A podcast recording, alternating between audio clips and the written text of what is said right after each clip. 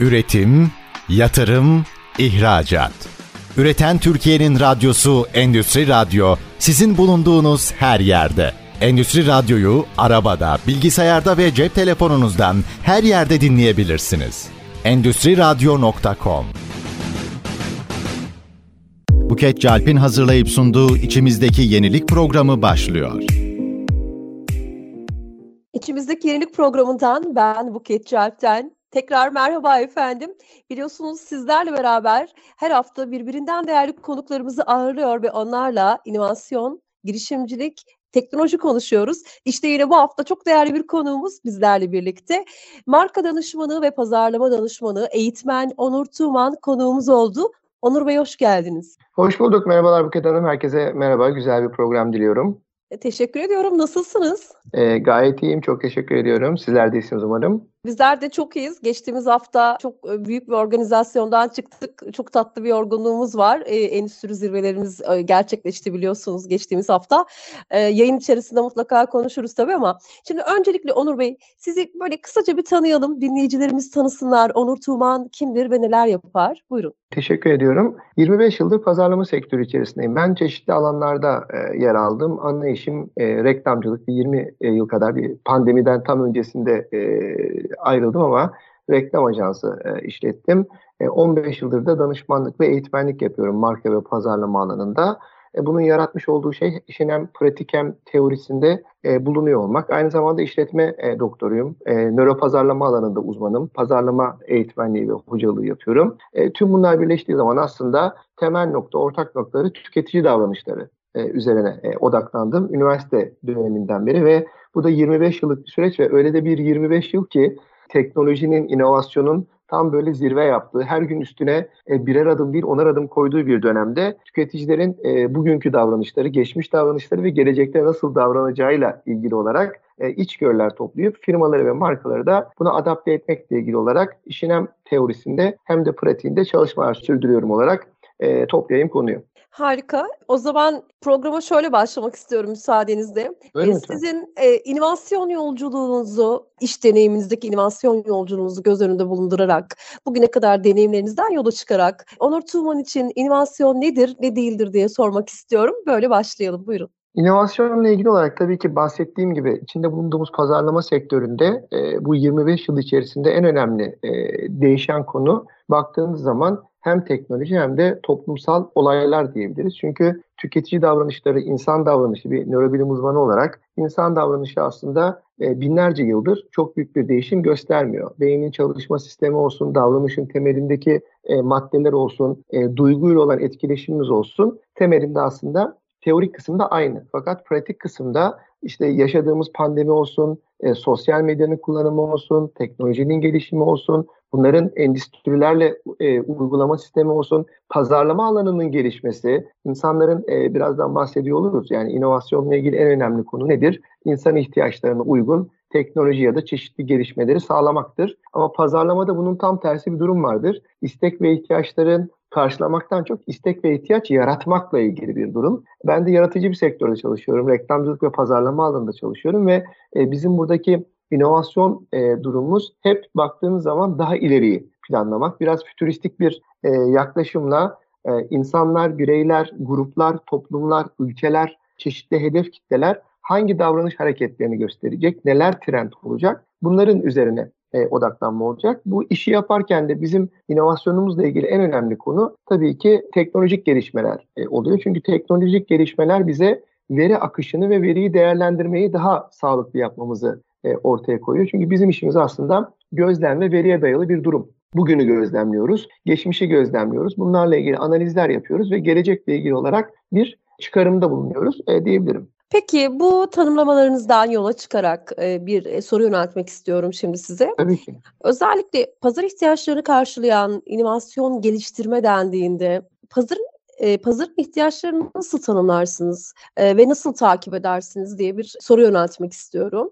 E tabii bu soru bizim yaptığımız işin temelini oluşturuyor. Buradaki e, ana noktada şu, bir ihtiyaçları ve e, belirttiğiniz gibi buradaki gelişimi e, takip etmek ve tanımlamak. Diğer nokta ise bunu oluşturmak. Çünkü bahsettiğim gibi bizim pazarlamada en önemli noktamız ihtiyaç yaratmaktan ortaya çıkan bir şey. İhtiyacı karşılamaktan daha önemli olan yeni ihtiyaçlar, istek ve arzular yaratmaktır. Bunun için izlediğimiz metotların en önemlisi tabii ki pazar araştırmasıyla başlıyor. Pazar araştırması temelinde müşterinin davranışlarını anlamak için temel bir adım. Burada rakip analizleri, tüketici eğilimleri, sektör raporları, e, çeşitli anketler gibi e, yapmış olduğumuz e, araştırmalar ve kaynaklarla pazarı anlamaya çalışıyoruz. Daha sonrasında müşterilerle görüşüyoruz. Müşterilerin geri bildirimlerini alıyoruz. Onların ürün ve hizmetlerle ilgili olarak e, yaşadıkları deneyimler, bu deneyimlerdeki artılar, eksiler e, bunlar bizim için o inovasyonu yapmakla ilgili olarak e, değerli bir veri e, noktasına geliyor. E, sonrasında aynı sektör içerisinde olmasa bile diğer sektörlerindeki trendleri takip etmek, güncelleri takip etmek bizim pazar ihtiyacındaki ve oradaki tanımlamada en önemli noktalarımızdan bir tanesi. Yani otomotiv sektöründe olan bir yenilik mutlaka yarın öbür gün ev teknolojisinde, ev ürünlerinde de ya da kıyafette olan bir davranış yarın öbür gün gıdada da e, yeni bir inovasyon ihtiyacı e, doğuruyor. Çünkü tüketicinin davranışları belirli bir noktaya yöneldiği zaman burada bir trend oluşuyor ve bu trend de diğer endüstriler tarafından da takip edilerek hızlı bir şekilde adaptasyonla tüketicinin deneyimi için yeniden sunulmak durumunda kalıyor. Diğer bir önemli nokta takipte rakip analizi, rekabet analizi. Çünkü e, baktığımız zaman işin içerisinde e, birçok markadan, birçok firmadan, birçok ayrı kültürden, birçok farklı ülkeden bahsediyoruz ve ülkeler arasında, firmalar arasındaki kültür farkları, boyut farkları, e, ekonomik ya da inovasyon gücüyle ilgili olarak olan farklar e, pazardaki dinamikleri belirliyor. Bu rekabet analizi de bizim için hangi noktada olduğumuzu, nereye gitmemiz gerektiğini ve hangi hızda gitmemiz gerektiğini çok önemli bir noktaya getiriyor. Ben de geçen hafta fuardaydım. Bahsettiğimiz gibi buradaki ihtiyacı tanımlamak için ve takip için en önemli noktalardan bir tanesi de tabii ki ekosistemin içerisinde yer almak. Yani inovasyon ekosisteminde bulunmak, fuarlara gitmek, etkinliklere katılmak, işbirlikleri yapmak, e, güncel makaleleri, yayınları takip etmek e, bunlarla birlikte olarak sektörler arasında işte teknoparklarla olsun, üniversitelerle olsun işbirliği ve araştırmalarda bulunmak bizler için en önemli nokta diyebilirim. E, burada tabii ki bağlama e, noktasına gelirsem de e, bir düşünce tarzı önemli. Çünkü inovasyon dediğiniz yaratıcı bir süreç. Olanı daha iyiye taşımak, olanı geliştirmek, olanla ilgili olarak yeni bir şey ortaya koymak olduğu için burada insanlarda, bireylerde ve firmalarda en önemli noktanın bu beklenti ve ihtiyaçları daha önceden öngörüp ortaya yeni bir şey çıkarmak olduğu için de e, ben hem danışmanlıklarım hem de eğitimlerimde en başa koyduğum şey öncelikle diyorum ki mindset ile ilgili olarak yaratıcı süreçlere bir odaklanma, bununla ilgili olarak bir kültür yaratma, buradaki ihtiyacı tanımlama ve tanımlanan ihtiyacı harekete geçirme. Çünkü birçok firma ihtiyacı aslında biliyor, e, ihtiyaç çünkü ortada. Fakat bunu uygulamayla ilgili problem yaşayabiliyor. Bu da e, en temel nokta aslında bir e, zihniyet problemi olarak tanımlayabiliriz. Bütün bu analizler yapıldıktan ve bütün e, politikalar, stratejiler belirlendikten sonra yani pazarın beklentisiyle firmanın mevcut durum arasında büyük bir uçurum olduğunu ispatlayan şey nedir? Yani sadece sadece satış ciroları mı, e, yeni müşteri sayısı mı?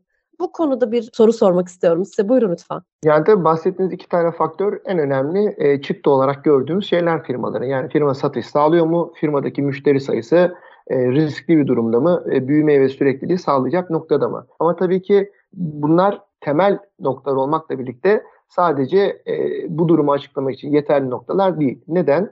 Çünkü burada özellikle pazarlama alanında baktığımız zaman bizim için en önemli nokta e, marka değeridir. Bir değer yaratmasıdır. Çünkü e, satış fiyatı kırarak olabilir, yeni bir ürünle olabilir, bir süreçten çok bir durumla ilgili olarak olabilir. O an fazla ihtiyaç vardır, o an rakiplerle o ürün bulunmuyor olabilir. Doğru bir e, yerde o an için yer alınmış olabilir. Fakat pazarlamanın amacı süreklilik sağlamak, daha yüksek karlarla bunu satmak ve en önemli noktası da bir değer ortaya koymaktır. O yüzden bizim burada firmanın mevcut durumuyla e, beklenti arasındaki farkı ortaya koymamız için temel nokta müşterinin memnuniyeti baktığımızda bir numaralı şeydir. Çünkü müşterinin memnuniyeti oradaki şirkete olan güveni ve bağlılığı yansıtır. Müşteri eğer memnunsa sadece aldığı üründen değil, markadan, almış olduğu hizmetten memnunsa, bununla ilgili bir güven ilişkisi ortaya konmuşsa, yarın öbür gün uzun vadede de firmaya başarı sağlayacaktır ve bu bir rekabet gücü oluşturacaktır. Aynı zamanda firmanın yenilik ve inovasyona olan adaptasyon hızı, stratejik planlaması, vizyonu, bir e, yeniliği uygulamak için operasyonel gücü, bu operasyonla ilgili olarak hem finansal anlamda hem de baktığımız zaman operasyonu uygulama anlamındaki gücü e, buradaki firmanın mevcut durumundan daha çok gelecekle ilgili beklentisini arttıran bir durumdur. Bunların hepsini topladığımız zaman bir marka imajı ortaya çıkar, bir marka değeri ortaya çıkar ki pazarlama açısından, pazarlama ile satış arasındaki en temel fark budur. Bir tanesi sonuç odaklıyken bir tanesi süreç odaklıdır. Bugün borsadaki firmaların değerinde belirleyen şey bugün ne kadar satış yaptıkları ya da ellerindeki asetin ne kadar geniş olduğu değil, gelecekte yaratabilecekleri e, durumla ilgili bir şey olduğu için işte burada tam da sizin programınız ya da konumuzla ilgili olan inovasyonun değeri son derece ortaya çıkıyor. Bugün yaptığımızdan çok gelecekte yapacağınız, ortaya koyacağınız değer sizin ana noktanızı belirliyor. Çünkü tarih öyle markalarla dolu ki pazar lideriyken, pazarda çok önemli bir noktaya sahipken birkaç yıl içerisinde e, marka ortadan kalkacak duruma gelebiliyor. Hele içinde bulunduğumuz bu dönemde teknolojinin bu kadar yaygın olduğu bir durumda fikir her yerde, uygulama her yerde, teknoloji işi hızlandırdığı için e, know-how ve deneyim çok hızlıca adapte edilebilir bir duruma geldiğinden dolayı firmanın buradaki sürekli olarak o inovasyona bağlılığı bizim için değer kısmında çok daha önemli bir e, hale alıyor. Burada şey çok kıymetli zannediyorum. İnovasyon, e, pazarla pazar e, stratejileri geliştirmede önemli bir araç. Peki biz bu inovasyonu aslında neye göre e, takip edeceğiz? Neye göre yani yenilik stratejisi oluştururken firma pazar verilerine göre mi yoksa teknolojik trendlere göre mi, teknolojinin gidişatına göre mi bir e, planlama yapmalı? E, güzel bir soru ama tek bir cevabı yok. Burada hani biraz e, denge çok önemli. Çünkü pazar ihtiyaçlarının gerisinde kalan bir teknoloji de olabilir. Teknoloji ortaya çıkmıştır ama pazar ihtiyaçlarına ya da pazara uygulanmamış noktası da olabilir. Burada yani ideal bir inovasyon stratejisi aslında hem mevcut talepleri karşılama ya odaklanmalı hem de gelecekteki teknolojileri firmamızdaki ya da sektördeki değişimlere adapte olmayı içermelidir. E, bunun içinde bir teknolojik gelişmeleri çok iyi takip etmek gerekiyor. Firmada, e, markada bununla ilgili departmanların oluşumu, bir e, işte ARGE bölümü, bir iş geliştirme bölümü, bir inovasyon bölümü olması, firmanın genel olarak bu kültürde yer alması son derece önemlidir. Çünkü uzun vadeli sürdürülebilirlik tamamen bu gelişmelere uyum sağlamaya bağlıdır. Yeni teknolojileri ya da endüstri trendlerini takip etmeyen bir kişi bir firma mutlaka rekabette gelecekte bir problem yaşayacaktır. Burada o teknolojiyi alıp sektöre uygulamak, pazara uygulamak, firmaya uygulamak, tüm bu gelişmeleri birlikte e, sürdürebilmek aslında hem müşterinin bu ihtiyacını karşılamak hem de gelecekle ilgili olarak e, müşteride o istek ve talebi yaratmakla ilgili bir durumdur. Bahsettiğim gibi e, bugün günlük kullandığımız telefondaki bir teknoloji kısa zaman içerisinde otomobilimizde, e, iş yerimizde, bilgisayarımızda da talep ettiğimiz bir durum. Biz de zaten yeni bir ürün yarattığımızda ya da yeni bir hizmet yarattığımızda ne yapıyoruz? Önce işte bilgisayar üzerinden ya da telefon üzerinden sonra bunu alıp akıllı cihazlara daha sonra işte saatimize daha sonra arabamıza daha sonra e, evimize adapte ediyoruz. Bu adaptasyon iki şekilde oluyor. Bir insanlar bunu gördükleri için görülen şeyi, bilinen şeyi istiyoruz. Yani Amerika'da da görsek, Japonya'da da görsek Türkiye'de neden yok diye bir talep yaratılıyor. İki, kapitalist düzende zaten firmanın amacı e, o kaymak fiyat dediğimiz daha yüksek fiyattan bir ürün ya da hizmet sunmak olduğu için yeni bir inovasyon e, daha az kişinin elinde olduğu için, daha merak yaratıcı, daha yenilikçi olduğu için daha çok para getiren bir durum. E, bu da firmaların tamamen esnekliklerine ve hızlı adaptasyonlarına göre e, yönelik olan bir şey. Bunların hepsinin ortak noktası aslında yani pazar ihtiyacına göre mi, teknolojideki gelişmeye göre mi inovasyonu geliştirmek noktasında. Temel nokta aslında değer odaklılık. Yani müşteri artı değer yaratmak için hali hazırda bir teknoloji var bu sektörde yoksa alıp uygulamak gerekiyor. Ya da tekno- sektörde bir tıkanıklık var. Ben e, yeni bir vaat ortaya çıkarmam lazım. Bu vaadimin e, müşteride bir yenilik yaratması lazım. Benim bundan artı bir değer sağlamam lazım. O zaman olmayan bir teknolojiyi yaratmak, olmayan bir ürün ya da hizmeti yeni bir kanalı oluşturmak da aslında yine inovasyon için gerekli bir durum. Peki çok teşekkürler. Bu bölüm için şimdi kısa bir araya gidelim. Sonra tekrar kaldığımız yerden devam edeceğiz. Reklamlar. Harika. Üretim, yatırım, ihracat. Üreten Türkiye'nin radyosu Endüstri Radyo sizin bulunduğunuz her yerde. Endüstri Radyo'yu arabada, bilgisayarda ve cep telefonunuzdan her yerde dinleyebilirsiniz. Endüstri Radyo.com İçimizdeki yenilik programı devam ediyor efendim. Ben Buket Çarp ve bugün konuğum sevgili Onur Tuğman oldu. Onur Bey ile ilk bölümde pazarlama ve inovasyon arasındaki ilişkiden söz ettik. Devam edelim. Şimdi de pazarlama ve ARGE arasındaki ilişkiye birazcık değinmek isterim müsaadenizle.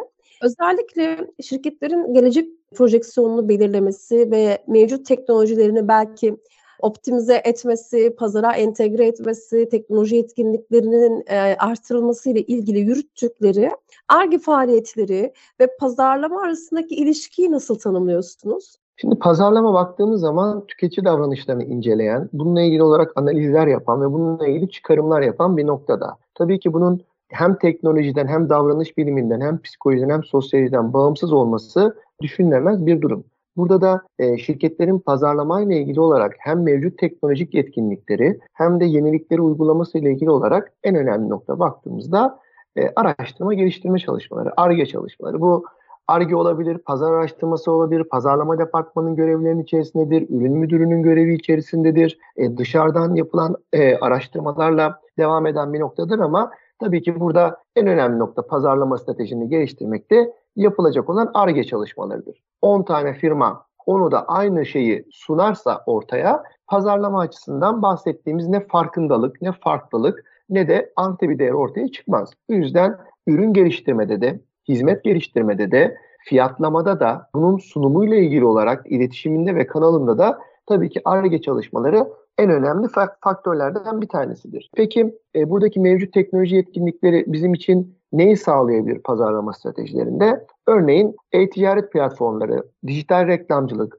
CRM uygulamaları ile ilgili geliştirilmiş olan yazılımlar, veri analizi için kullandığımız data yazılımları, pazarlama süreçlerini optimize eden, bunları uygulamamızı sağlayan, bunları bir bütün olarak e, gören birçok yazılım, işte bulut sistem, bununla ilgili olarak kullandığımız e, uygulamalar var. Bunların hepsi tabii ki pazarlamada ARGE ile birlikte ortaya çıkan noktalar ve öyle bir nokta ki pazarlamada geldiğimiz nokta e, hem sosyal medyanın hem de e-ticaretin bu kadar gelişmesi baktığımız zaman Türkiye'den bir tuşla Amerika'dan, Japonya'dan, Kore'den de bir şey almamızı, oradaki ürünleri, hizmetleri geliştirmemizi ya da işbirliği içinde bulunmamızı, endüstriler arasındaki iletişimi de arttıran nokta olduğu için mevcut teknoloji gelişim, gelişimlerini mutlaka takip edip kendi pazarlama stratejimize uygulamamız gerekiyor. Burada ARGE çalışmaları sadece bugün için de değil, gelecekte kullanılabilecek yeni teknolojileri de. Zaten fuarlara gittiğimiz zaman ne görüyoruz? İşte 4G kullanıyorsak 5G'yi görüyoruz. 5G kullanıyorsak 6G'yi kullanıyoruz. Kullandığımız bir ulaşım sistemi, yazılım sistemi, paketleme sistemi varsa bunun çok daha ilerisiyle ilgili olarak çalışmaları görüyoruz. E bu da tabii ki pazarlama sadece bir iletişim ya da reklam konusu değildir. Pazarlama ürünün nasıl hazırlandığından, nasıl sunulduğundan, nasıl paketlendiğinden, nasıl bir kullanım sağladığından, nasıl bir müşteri deneyimi sağladığından da oluşan bir nokta olduğu için firmanın burada rekabet avantajı sağlaması için bu yeni ürün ve hizmetleri de geliştirmesi gerekiyor. Bu da temel olarak ARGE'nin görevinde tabii ki. Diğer bir nokta pazarlamada ne kullanabiliriz ee, bahsettiğimiz gibi dijital pazarlama araçları. Yani geçen sene ben aynı zamanda eğitmenlik de yaptığım için pazarlama alanında yani iki sene önce yapmış olduğum dijital pazarlama eğitimleri şu anda çöp. E, neden? E, tüketicinin davranışları, insanların trendleri, kullandıkları sosyal medya mecraları, buralarda geçirdikleri vakitler, işte fotoğraflar gündemdeyken videolar, videolar bir dakikayken 30 saniye e, içerisinde kullanılan e, uygulamalar. Bunların her biri sürekli olarak değiştiği için biz buna adapte olmak için mutlaka bir araştırma geliştirme içerisinde olmamız ve bunları geliştirmemiz gerekiyor ve e, buradaki kullanılan teknolojilere firmanın ve kullanıcıların yetkinliklerinin artması gerekiyor. E, çok önemli bir konu yapay zeka. E, yapay zeka e, bugün üretimde kullanılıyor, tüketimde kullanılıyor, günlük hayatta kullanılıyor. E, pazarlama da bunun için tabii ki en önemli noktalardan bir tanesi. Neden? Sizin internet üzerinden e, kullandığınız ya da e, günlük hayatta kullandığınız bir kredi kartı alışverişi, bir telefon konuşması, GPS'te sizin bulunduğunuz noktaların izlenmesi bunların her biri biz pazarlamacılar için birer veri oluşturuyor. Pazarlamada da en önemli nokta aslında kişiselleştirilmiş veridir. Yani biz buketi bir hedef kitle içerisine sokup aynı zamanda buketin de birebir davranışlarını takip edip onunla ilgili bir çıktıya sahip olursak bu bizim için en önemli pazarlama argümanı oluşturmayı e, geliştirir ki bu yapay zeka ile veri analitiğini birleştirdiğimiz zaman da işte firmalar açısından pazarlamada en önemli hale geliyor ve bu da bizim hem iletişimimizde hem e-ticaretimizde hem e, satış e, üzerinden uyguladığımız e, iletişimde ve kendi platformlarımızı yönetimimizde bize büyük bir artı sağlayan bir durum var. Bu yüzden de insanlar ARGE yapmalı, ARGE'ye odaklanmalı gibi ezbere bir cümlenin ötesinde bu zaten olmazsa olmaz bir nokta. Öncelikli olarak günümüzdeki pazarlama e, dünyasındaki yapı öncelikli olarak pazarlamayı oturtmak daha sonrasında bunun satışını düşünmektir. Ben yıllardır bunu hem müşterilerime hem danışanlarıma anlattığım nokta bu ama maalesef biz önce satışı düşünüyoruz, ürünü düşünüyoruz sonra bunu nasıl pazarlayacağım. Halbuki bunun hem pratiği hem de teorisi önce nasıl farklı bir ürün, bu ürünü kime hedef e, kitle olarak planlayacağım ve kime nasıl ulaştıracağım. Daha sonrasında hangi ürün ve bu ürünün ne özelliklerde olması gerektiği e, noktasının e, analizine gelecektir. Bu etkili ve rekabetçi bir durum için olmazsa olmaz bir durumdur. Yani yaptığımız işlerde tabii ortak nokta inovasyon dediğimiz zaman bir yenilik, bir bir üretim, yeni bir şey yaratmak ya da bir şeyi geliştirmekten bahsettiğimiz için şimdi evet. benim bir bileziğimde profesyonel koçluk yapıyorum ben. Ee, ve orada da kişi davranışlarını hep böyle parasal e, noktalardan e, sıkılıp böyle bir 10 yıl öncesinde e, el attığım bir e, konu, girdiğim bir konu oldu. Evet, e, tüketici evet. davranışlarını, insan davranışını bu kadar bildikten sonra o insanın mutlu olması, huzurlu olması için de aslında baktığımız temel nokta üretimde olması. Her gün aynı şeyi yaşayan bir insan, her gün aynı işi yapan bir insan, her gün aynı sosyal ortamda bulunan ve aynı problemlerle boğuşan bir insan mutsuz oluyor. Bu aslında pazarlamadan farklı bir durumda değil. Yani hayatımızdan da inovasyonu alırsak, konu başka yerlere geldi ama keyifli bir nokta. Günlük hayatımızdan da inovasyonu alırsak, hayatımıza da bir renk, bir yenilik katmazsak bu da bizi başarısız yapıyor. Bu da bizi rekabette geri bırakıyor. Bu da bizi huzursuz yapıyor. Bu da bizi mutsuz yapıyor. O yüzden aslında inovasyon her yerde diye buradan bir slogan çıkartıp topu yeniden size atayım. E, ben şey diyorum, yenilik içimizde diyorum. Aa süper, aynen. içimizde. Çok kıymetli. Aynen. Yani bu dışarıdan beklediğimiz zaman hani mutlulukta da, sevgide de, motivasyonda da böyledir ya. E, dışarıdan değil, içeriden gelen bir e, güç olmalı diye inanıyorum. Kesinlikle, kesinlikle. Çünkü bağımlı ol, oluyoruz yani. Dışarıdan bekledikçe dışı bağımlı oluyoruz.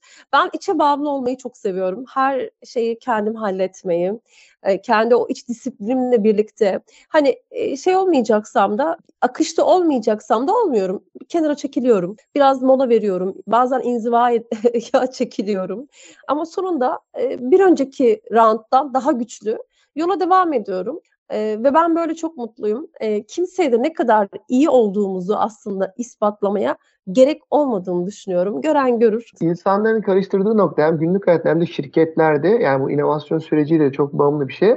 Bunun e, hırs olarak yapılmaması. Yani hırs çok ayrı bir şey. Hırsla geliştireceğim, yenilik yapacağım, değişeceğim noktasındaki hırs doğru bir şey değil. Bu e, artık bir egoya, bir ego savaşına dönüşen bir durum. Halbuki üretmek her gün bir adım yeni bir şey yapmak, olan şeyi geliştirmek ya da işte bu Japon felsefesindeki ya da endüstrideki o Kaizen mantığında her bir şeyi daha iyi yapabilmek. Bir adım, 0.1 adım hiç önemli değil ama bir şeyi daha yeni bir şekilde yapabilmek, insanlara yeni bir şey sunmak, e, baktığınız zaman hem sizi hem de karşıdaki insan için değer yaratan bir nokta. Bu değer yaratım süreci durduğu anda işte o zaman zaten ne pazarlamadan, ne değerden, ne yenilikten, ne mutluluktan ya da bahsettiğimiz yani konuyu buraya getiren heyecandan bahsedemeyiz. Yani sabah kalktın aynı gün aynı iş e, koy kafayı yastığa geri oluyor. E, bunu da yöneticiler de yaşıyor, firmalar da yaşıyor. Tek avantajım, en büyük avantajımız Türkiye'de yaşamak. Türkiye bizi böyle e, çok stabil bir hayata e, zaten izin vermiyor yaşamamıza. Sürekli olarak inovasyon yapmamız, yolculukta bile aynı yoldan bile iki defa gidemiyoruz sürekli olarak e, farklı inovasyonlar içinde bulunmamız gereken bir durum sunuyor bize diyelim. Güzel oldu bu aradaki şey. Bence de. E, Bence de. E, sohbette çok mutlu oldum ben de. Buyurun evet, lütfen. E, ben özellikle Uber teknolojisi ve tasarım inovasyon literatüründe özellikle kullanıcı deneyimi ve kullanıcı farklılaştırması ile ilgili bir dönüm noktası olarak kabul edilir bilirsiniz. Az önce de tüketici odaklı inovasyonlardan e, bahsettik, pazarlamadan bahsettik. E, buradan yola çıkarak kullanıcı deneyimi ve pazarlama arasındaki ilişki hakkında bilgi verebilir misiniz? Belki hani ben Uber'i örnek verdim, siz başka bir örnekle parlatmak istersiniz. Buyurun. Uber burada tabii ki harika bir örnek. E, neden? Benim aslında eğitimlerde, danışmanlıklarda çok yüksek oranda anlattığım bir örnek. Çünkü yaratıcı düşünce ve inovasyondaki temel nokta şu. Olmayan bir şey yeniden yaratalım. Çok uç noktalarda arıyoruz. Halbuki taşımacılık var, taksi var, araba var, çağıracak sistem var. Burada önemli olan deneyimi farklılaştırmak. Deneyimi farklılaştırdığınız zaman, müşteri yeni bir deneyim yarattığı zaman, yaşadığı zaman bu aslında yaptığınız en büyük inovasyondur. Çünkü inovasyonu niçin yapıyorsunuz? Müşteri için yapıyorsunuz. Müşteride en büyük farkı yaratacak olan şey de aslında deneyimdir pazarlama açısından. O yüzden burada evet Uber'in başarısı e, büyük ölçüde kullanıcı deneyiminin farklılaşması, kullandığı e, taşımacılık sistemindeki alışkanlığı olan noktalardaki problemleri çözüp ona yeni bir hız kazandırdığı, zaman kazandırdığı bir durum oldu. E, nedir kullanıcı deneyimi? Bir ürün veya hizmetin aslında kullanıcıyla olan etkileşimidir. Onda yarattığı duygulardır, ondaki memnuniyettir, ondaki şikayettir. Bunların hepsinin e, ortak geniş bir kavramda buluşmasıdır. Uber'in burada önce olduğu nokta ise aslında e, neler yarattı dersek daha kolay ve hızlı bir kullanım. Hızlı bir şekilde uygulamadan çağırdın, geldi, kullandın, parasını ödedi sistemde. E, böylelikle yaşanan pazarlamada biz şuna bakarız. Müşteri deneyim haritası diye bir şey çıkartırız ve bu deneyim haritasında müşteriyle marka nerelerde bir araya geldi, buralardaki duygu durumları neydi? Amacımız şudur, olayı kolaylaştırmak, acıları azaltmak, e, hazzı çoğaltmaktır. Buradaki en önemli haz sağlayan noktalardan bir tanesi e, pazarlamada bir hizmet ya da ürün ne kadar kişiselleştirilirse demin de bahsetmiştim o kadar fazla e, haz sunan bir durum. E, burada Uber'in yaptığı da aslında birebir baktığınız zaman tamamen kişiselleştirilmiş kendi hizmetinizden, kendi telefonunuzdan, uygulamanızdan bir e, araç çağırıyorsunuz, gelecek aracı biliyorsunuz, seçebiliyorsunuz. Daha önceki seyahat geçmişinizi, e, sizin adreslerinizi, ödemelerinizi, buradaki bütün noktaları aslında size deneyim olarak sunuyor. Gideceğiniz yer, kaç dakikada gidersiniz. Hani eskiden şey vardı ya, bindiğin aracın fotoğrafını çek, gönder e, ailene e, şeklinde. E burada zaten uygulamada istiyorsan birini tanımla o da görsün. E, geri bildirim verebiliyorsun. Yani kullandığın hizmetle ilgili olarak e, bir notlama, bir puanlama sistemi var. İşte buradaki temel nokta aslında kişiye sağlanacak olan deneyimi planladığınız zaman bunun üzerine bir de çok insan para kazanacak, e, insanlar için bir gelir kaynağı oluşturacağız, hizmeti kolaylaştıracağız, bu hizmetin yaygın olmadığı yerlere de götüreceğiz. Sürücüye e, kattıklarımız, e, bununla birlikte kullanıcıya kattığımız e, nokta var diyeceğiz. E, burada bir yaratılan marka büyük bir para ortaya çıktığı zaman bu parayı alıp teknolojinin gelişimine, o ülkenin gelişimine, kişilerin gelişimine de kullandığı zaman e bunların her biri bir araya geldiğinde hem bir yenilik sağlıyor hem de burada bir hikaye oluşuyor. Bizim için en önemli nokta aslında burada hikayedir. Çünkü hikaye kullanıcı deneyimiyle pazarlamayı birbirine bağlayan iki kavramdır. Bu iki kavramdan ortaya bir hikaye çıkar. Bu hikayede müşteriyle sadakat oluşturan, müşterinin bu sadakatiyle uzun vadeli bir ilişki kuran Böylelikle de neticesinde bir değer yaratıp e, ortaya bir etkileşimin çıktığı bir süreç yönetimine dönüşür. O yüzden bahsettiğiniz nokta gerçekten inovasyon için çok önemli bir noktadır. İnovasyonun temel noktası müşteri deneyimidir. Uber olsun, diğer teknolojiler ya da diğer e, markalar da firmalar olsun. Ne kadar müşteriyle bir duygusal e, dönüşüm, bir duygusal deneyim yaratabilirseniz bu kadar önemli bir nokta, e, bu kadar büyük bir değer yaratırsınız ki benim uzmanlık alanım olan nöro pazarlamada aslında insanların rasyonel olan değil, duygusal olan davranış sebeplerine e, odaklanır. Çünkü biz e, rasyonel olduğumuzu düşünüyoruz, rasyonel kararlar verdiğimizi düşünüyoruz. Halbuki yapılan bilimsel araştırma gösteriyor ki %95 otomatik pilotta çalışıyoruz ve davranışlarımızın temelinde o davranışın bize yarattığı fayda, bize sağladığı haz ya da bizden uzaklaştırdığı acı var. O yüzden yaşadığımız deneyimler bizim davranışlarımızın ve değerlerimizin oluşmasındaki en önemli etken. Ee, Birçok şeyi otomatik pilotta yapıyoruz dediniz. Beni can evimden vurdunuz. Süper. Çünkü ben de bu doğallıktan yanayım ama otomatik pilota geçmek için gerçekten ciddi bir aslında birikime de ihtiyaç var değil mi? Hani o kendimizi geliştirme, o öğrenme süreci, o değişim süreci yani o otomatik pilotta çünkü yapacağınız ya da yap- yapmayacağınız şeyler belirliyor aslında beslenme süreci. O sonu getiriyor diye düşünüyorum. Hani çok da şey yapmamak lazım ama işte o şey yapmazken ne yaptığımızı da nasıl bir e, dünyaya karşı, olaylara karşı, insanlara karşı nasıl bir e, tavır sergilediğimizin bileşkesi oluşturuyor aslında. Ve ben danışmanlık verdiğim şirketlerde özellikle salt böyle kobi danışmanlığı yapmayı çok sevemin en büyük nedenlerinden bir tanesi. Tümüyle e, kurallardan ve kaidelerden uzak e, bir esnaf kültürüyle babadan oğula geçen bir şirket olması ve orada ciddi bir hani gözlem yapma fırsatı buluyor olmam belki de. Deneysel çalışmayı gerçekten çok seviyorum. Harika izlenimler elde ediyorum çünkü yani eski ile yeni arasındaki o çatışmanın doğurduğu o e, sinerjiyi de aslında e, çok net görebiliyorum. Çünkü yeni olan da olmayan tecrübe, eski olan da olmayan belki yenilik arayışı, değişim arayışı ikisini bir araya getirdiği zaman tadından yenmez bir sürece doğru götürüyor diye düşünüyorum. Kesinlikle katılıyorum. Çok güzel özetlediniz. Şimdi reklamlar efendim. Üretim, yatırım, ihracat. Üreten Türkiye'nin radyosu Endüstri Radyo sizin bulunduğunuz her yerde. Endüstri Radyo'yu arabada, bilgisayarda ve cep telefonunuzdan her yerde dinleyebilirsiniz. Endüstri Radyo.com Kobilerin Sesi Radyosu Endüstri Radyo'da Buket Çarp'le olan birlikleriniz devam ediyor efendim. Bu hafta içimizdeki yenilik programının konuğu sevgili Onur Tuğman'dı. Onur Tuğman kendisinin uzmanlık alanı olan pazarlama ile ilgili e, inovasyon odağında sorularımı cevaplıyor. E, çok da keyifli e, devam ettiğini düşünüyorum. İnşallah siz de böyle düşünüyorsunuzdur. Şimdi uzmanlık alanlarınızdan olan nöro pazarlama hakkında konuşacağız tabii ki. Fakat hı hı. belki şöyle bir girizgah yapmak daha uygun olacaktır. Pazarlama inovasyonu nedir ve bir firma tek bir ürünü veya işte eski bir ürünü farklı pazarlama stratejileriyle bir yenilik gibi satabilir mi? Buluşmuş gibi. Şey, tam böyle pazarlamacıya şey nedir o? Hani etik etik etik sorular vardır ya. Ya siz bizi kandırıyor musunuz noktasında. Ee, tam bir de işte bir de reklamcı olarak reklamcılara daha da çok gelen bir şey kötü olan bir şeyi satabilir misiniz? Reklamın iyisi kötüsü e, var mıdır gibi bir nokta.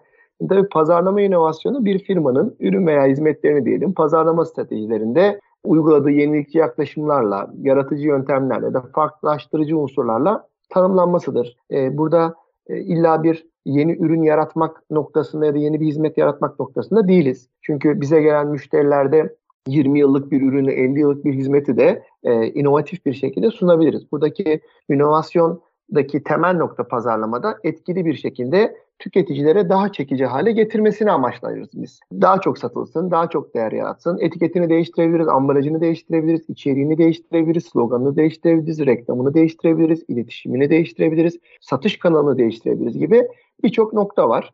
E, baktığınız zaman sorunuzun temel cevabı Evet, bir pazarlama stratejisiyle, e, inovatif bir pazarlama stratejisiyle eski bir ürünü yeni bir ürün gibi satabiliriz. Burada neler yapabiliriz e, düşündüğümüz zaman? E, tabii ki bizim temel noktamız yaratıcı pazarlama kampanyalarıdır. E, baktığımız zaman biz firma ve ürünü tanıtmak için, hizmeti tanıtmak için bu kişi de olabilir. Yeni ve çekici pazarlama kampanyaları oluşturmak. Bu illa bizim inovatif bir kanal bulmamızı gerektiren bir durum da değildir. Çünkü konumuz olan teknolojiyle birlikte bağdaştığı zaman yani siz iletişiminizi bugüne kadar e, televizyonda yapmışsınızdır ama dijital medya kanalı çok gelişmiştir. O zaman sizin yeniden yapacağınız bir viral reklam, etkileşimli bir sosyal medya kampanyası ya da deneyimsel pazarlamadaki eğlenceli bir etkinlikle bir araya getirmek yine inovatif bir pazarlama çalışmasıdır. Ürünün ya da hizmetin hikayesini değiştirmek, hikayesini bugüne adapte etmek, hikayesini güncele getirmek. Yani atıyorum bir pandemi dönemiyle birlikte evde yaşam, ofisten yaşam, işte şu an işte yaptığımız gibi radyoda bizi dinleyenler e, belki eskiden arabada dinliyorlardı, şirkette dinliyorlardı. Şu anda evinde, mutfakta iş yaparken dinliyor. E o zaman hikaye değişmiş. Dışarıdaki hikaye değişmişse ürün ya da hizmetin de hikayesini değiştirdiğiniz zaman bu da bir pazarlama inovasyonu haline geliyor. Segmentasyon değişiyor, hedef kitle değişiyor. Çok bahsettiğimiz kişiselleştirme durumu e, değiştiği zaman biz ürün ya da hizmeti belirli müşteri gruplarına daha çekici hale getirebiliyoruz. e, yapay zeka ve teknolojideki gelişmeler insanlar için farklı fiyatlandırmalar, farklı içerik oluşturmalar, farklı etiketlemeler, farklı ambalajlamalar, farklı hizmet sunumları, farklı çözümlemeler getirmemizi sağlıyor. Bunlar da bir pazarlama inovasyonu haline getiriyor. Satış kanalı oluşturmak en önemli noktalardan bir tanesidir. Satış baktığınız zaman kanal yani pazarlamanın 4P'si işte üründür, fiyattır, satış kanalıdır ve bunun iletişimidir. Bunlar satışın noktaları değil, satış öncesinde pazarlamanın yönettiği bir süreçtir. O yüzden bir ürün daha düne kadar e-ticarette yoksa, yokken ya da sosyal medya üzerinden satılmıyorken, sosyal medya kanallarından ya da farklı distribütör ağına sahip değilken bunların yeni satış kanalları üzerinden satılması yine bir pazarlama inovasyonudur. Bu anlamda tüm bu stratejiler firmanın mevcut ürünlerini olsun ya da yeni çıkaracakları bir ürün olsun inovatif bir bakış açısıyla yeniden pazarlanabilir ve tüketicinin daha dikkatini çekecek hale getirmekle ilgili olarak bir strateji e, uygulamasıdır. Sadece ürünü geliştirmek değil, ürünün tüm süreçlerini ve iletişiminde yeniden e, düşünmek, planlamak ve geliştirmek de aslında pazarlama inovasyonu içine girer diye toplayabilirim. Evet çok teşekkürler. E, pazarlama ile ilgili tecrübelerinizden harmanlanmış harika bir cevap oldu. Ben e, özellikle şu an bir yapay zeka yüksek lisansı yapan birisi olarak kendi iş sürecimi aslında yeniden kendimce tanımlıyorum. E, ve birçok şeyi hani yapılabilir olarak gördüğüm, yapay zeka ile yapılması mümkün gördüğüm birçok şeyin aslında yapılması ne kadar zor olduğunu farkındayım. Her, her şey gerçekten e, veriye dayalı çünkü yapay zekada. Bir veri sistematiği olmayan e, süreçte, firmada, ülkede e, yapay zekadan e, tam anlamıyla istifade etmek maalesef mümkün değil. E, bu alanda çalışmalar var tabii ki fakat çok yetersiz. Hala bir Türkçe dil modeli yok e, yapay zekada. Daha dün, dün e, bununla ilgili çok uzun bir e, toplantı ve ders e, yaptık gerçekten neler yapılabilir diye. Ben o kadar tabii geliştirici boyutta değilim onu da söylemek istiyorum ama daha çok uygulayıcı boyutta olacağımı düşünüyorum. Ee, özellikle kendi uzmanlık alanım olan COBİ'lerde, işletmelerde iş süreçlerinin kolaylaştırılmasıyla ilgili yapay zeka araçları geliştirebilir miyim diye aslında yola çıktım. Fakat konu şu ki yapay zeka aracı geliştirecek kadar veriye ihtiyaç var COBİ'de. Keza e, nöro pazarlama da aslında ciddi veriye dayalı bir yöntem. E, güzel de bir yöntem. Burada tabii sözü size bırakacağım ama şöyle bir soruyla çok ciddi bir pazarlama aracı olarak e, iş dünyasında ağırlığını da her geçen gün arttırıyor. Bir de hani yapay zekadaki gelişmeler de e, bir kere e, çok o tarafı da besliyor özellikle. Pazarlama ve teknoloji ilişkisini yakın gelecekte nasıl öngörüyorsunuz? Belki biraz nöro pazarlamanın arkasındaki o mimariden de bahsederek bu soruyu cevaplamaya başlayabilirsiniz. Buyurun lütfen. Şimdi insanlar tabii ki nöro pazarlamayı biliyor ya da bilmiyor firmalar. Bilip ya da bilmeden uyguluyorlar ama tabii ki yapay zeka dediğimiz nokta ya da teknolojinin pazarlamayla e, birlikte kullanılması arkada aslında tamamen bir nöro pazarlama temalı bir konudur. Neden? Nöro pazarlamanın temel noktası nedir? Biz e, nöro pazarlama öncesinde yani 20-30 yıl öncesinde ki niye peki 20-30 yıl öncesine kadar nöro pazarlama yoktu? Nöro pazarlama öncelikle tüketicilerin beyin aktivitelerini anladığımız, beyindeki yaşanan şeylerin, kararın ve davranışın nasıl alındığı, algı ve değerin nasıl oluştuğu ile ilgili beyindeki bu aktiviteleri tanımlamak, bununla ilgili çıkarımlarda bulunarak bunu pazarlama stratejilerine entegre etmek için kullanılan bir aslında araştırma yöntemidir.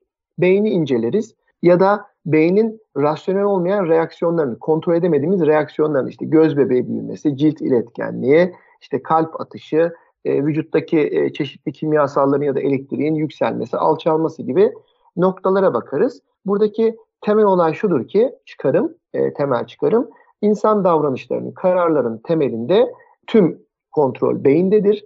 Beyin de bu kararı alırken baktığımız zaman tamamen duygusal faktörlerden etkilenir. Yani kötü alışkanlıklarımızın olması, yanlış hatalı şeyler yapmamız baktığımız zaman doğruyu yanlışı bilmediğimizden değil, bundan aldığımız haz ya da acıdan ya da buna yüklediğimiz anlamlardan e, ortaya çıkar.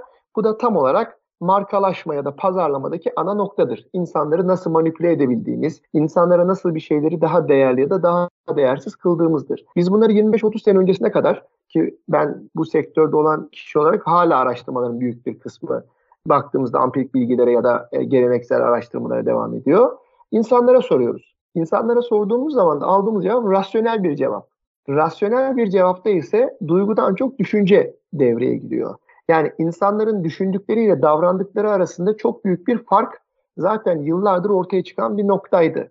E, yani insanlara sorduğun zaman televizyonda ne izliyorsun dediğinde belgesel izliyorum diyor. Ama e, sonuca baktığın zaman işte sabahleyin evlilik programları, aile programları izliyor. Akşamleyin e, komedi filmi izliyor ama ben siyaset programı izliyorum diyor. Yani bunu alıp birçok noktaya götürebiliriz. Neden satın alıyorsun diyoruz. İhtiyaçlarımdan dolayı satın alıyorum diyor. Fakat 45. ayakkabısını almış. Bir insanın 45 tane ayakkabı ihtiyacı olmaz. Şimdi nöropazarlama bu davranışları ortaya koyarken yapay zeka ya da teknolojinin bize sağladığı en büyük avantaj şu. Yapay zekada teknoloji ne yapıyor? Hangi kelimeleri arattığımızı, hangi cümleleri arattığımızı, neleri satın aldığımızı, neleri birlikte aldığımızı, hangi saatte, hangi zamanda ya da hangi ortamdayken nasıl davranışlar gösterdiğimizin verisini tuttuğu için bu sonuç odaklı olan veri içerisinde bir rasyonellik barındırmak zorunda değil. Baktığınız zaman nöropazarlamanın ulaşmak istediği insanlar nasıl davranır noktasını yapay zeka bütün davranışların genel modelini alıp bununla ilgili olarak bir ortalık bir e, analiz yaptıktan sonra bir çıkarımda bulunduğu için tabii ki tam bir entegre sistem olarak pazarlama stratejilerini hem kişiselleştirilmiş hem de duygu temelli bir noktaya getirebiliyor. Bu peki sorduğunuz gibi bizi gelecekte nasıl bir noktaya taşır? Valla gelecekte de gerek yok. Şu anda zaten taşıyor. Yani e-ticaretin artması, sosyal medya kullanımının artması, e, insanlar günde yaklaşık 7-8 saat e, internette, sosyal medya üzerindeler. Televizyon şeyden izleniyor. Eğlence burada, eğitim sektörü buraya taşınıyor. E, fuarlar yakında buraya taşınıyor olacak. iletişim buraya taşınıyor olacak. E, reklamlar ben hani yıldan yıla böyle sunumlar yaptığımızda %3'tü, %5'ti şimdi %70'lere geldi. E, online taraftaki reklam iletişimleri. Bu yapay zeka bizi nereye taşıyacak pazarlamada dediğiniz zaman e, tüketicilerin geçmiş davranışlarını alacak. Bununla ilgili olarak bugünü planlayacak ve gelecekle ilgili bir bize öneri sunduğu için bir kere alışveriş deneyimini ve öneri sistemlerini arttırıyor. Ne diyor? Sen bunu almıştın Buket. E bunun yanında bunu da çok seversin sen dediği noktada sana rasyonel olan bir şeydir. Hayatını kolaylaştıran ve sana duygusal olarak yardımcı olan bir nokta getiriyor. E, yapay zeka ne yapıyor? Bizim nöropazarlama araştırmasıyla yapmak istediğimiz aslında duygusal analizi yapıyor. Hangi noktada hangi markayla bir bağ kurduğunu, neyi daha çok incelediğini, neydeki e, gelişmeleri takip ettiğini bize analiz olarak ortaya koyduğunda burada zaten bizim iletişimi alıp buradaki ortama taşımamızı sağlayan bir durumu e, geliştiriyor. E bununla birlikte teknoloji artıyor. Sanal ve arttırılmış gerçeklik diye bir konumuz var. E bu zaten bize müşterinin bir şeyi artık görmeden, koklamadan, duymadan da deneyimleme şansını ortaya koyduğu için biz Türkiye'den Çin'deki bir ürünle ya da Türkiye'den e, Amerika'daki bir ürün ya da hizmet ya da bir kişiyle duygusal bağ kurmamızı geliştirecek bir durum ortasına geliyor. Giyim sektörü bunu kullanıyor, kozmetik sektörü bunu kullanıyor, diğer sektörler bunu kullanıyor.